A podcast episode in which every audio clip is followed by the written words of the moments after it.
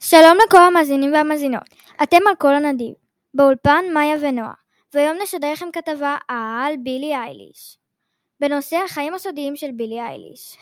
אפשר להזין לכתבה שלנו באתר, בספוטיפיי ובכל הרשתות. אז בואו נצא לדרך.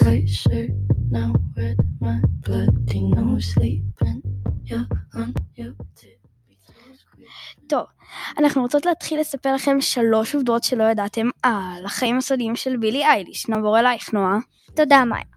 עובדה ראשונה, שבילי אייליש הייתה ילדה קטנה, התמודדה עם תסמונת טורט, ולאחר מכן באינטרנט הופצו סרטונים שבהם חוותה טיקים של התסמונת.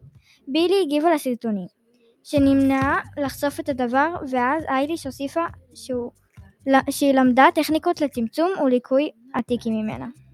עובדה שנייה, כשבילי אייליש הייתה בת כ-13, השתתפה בחוג היפ-הופ עם אנשים מבוגרים ממנה.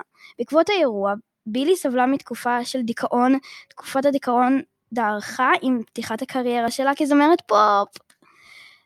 Um, עובדה שלישית, בילי חוותה.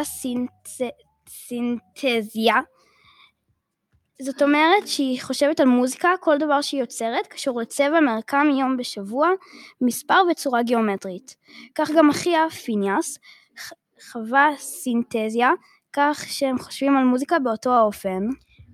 עד כאן פינת החיים הסודיים של בילי אייליש. נכון שהיה מעניין? אהבתם? מוזמנים לעקוב אחרינו ולהגיב. ניפגש בכתבות הבאות, ביי ביי!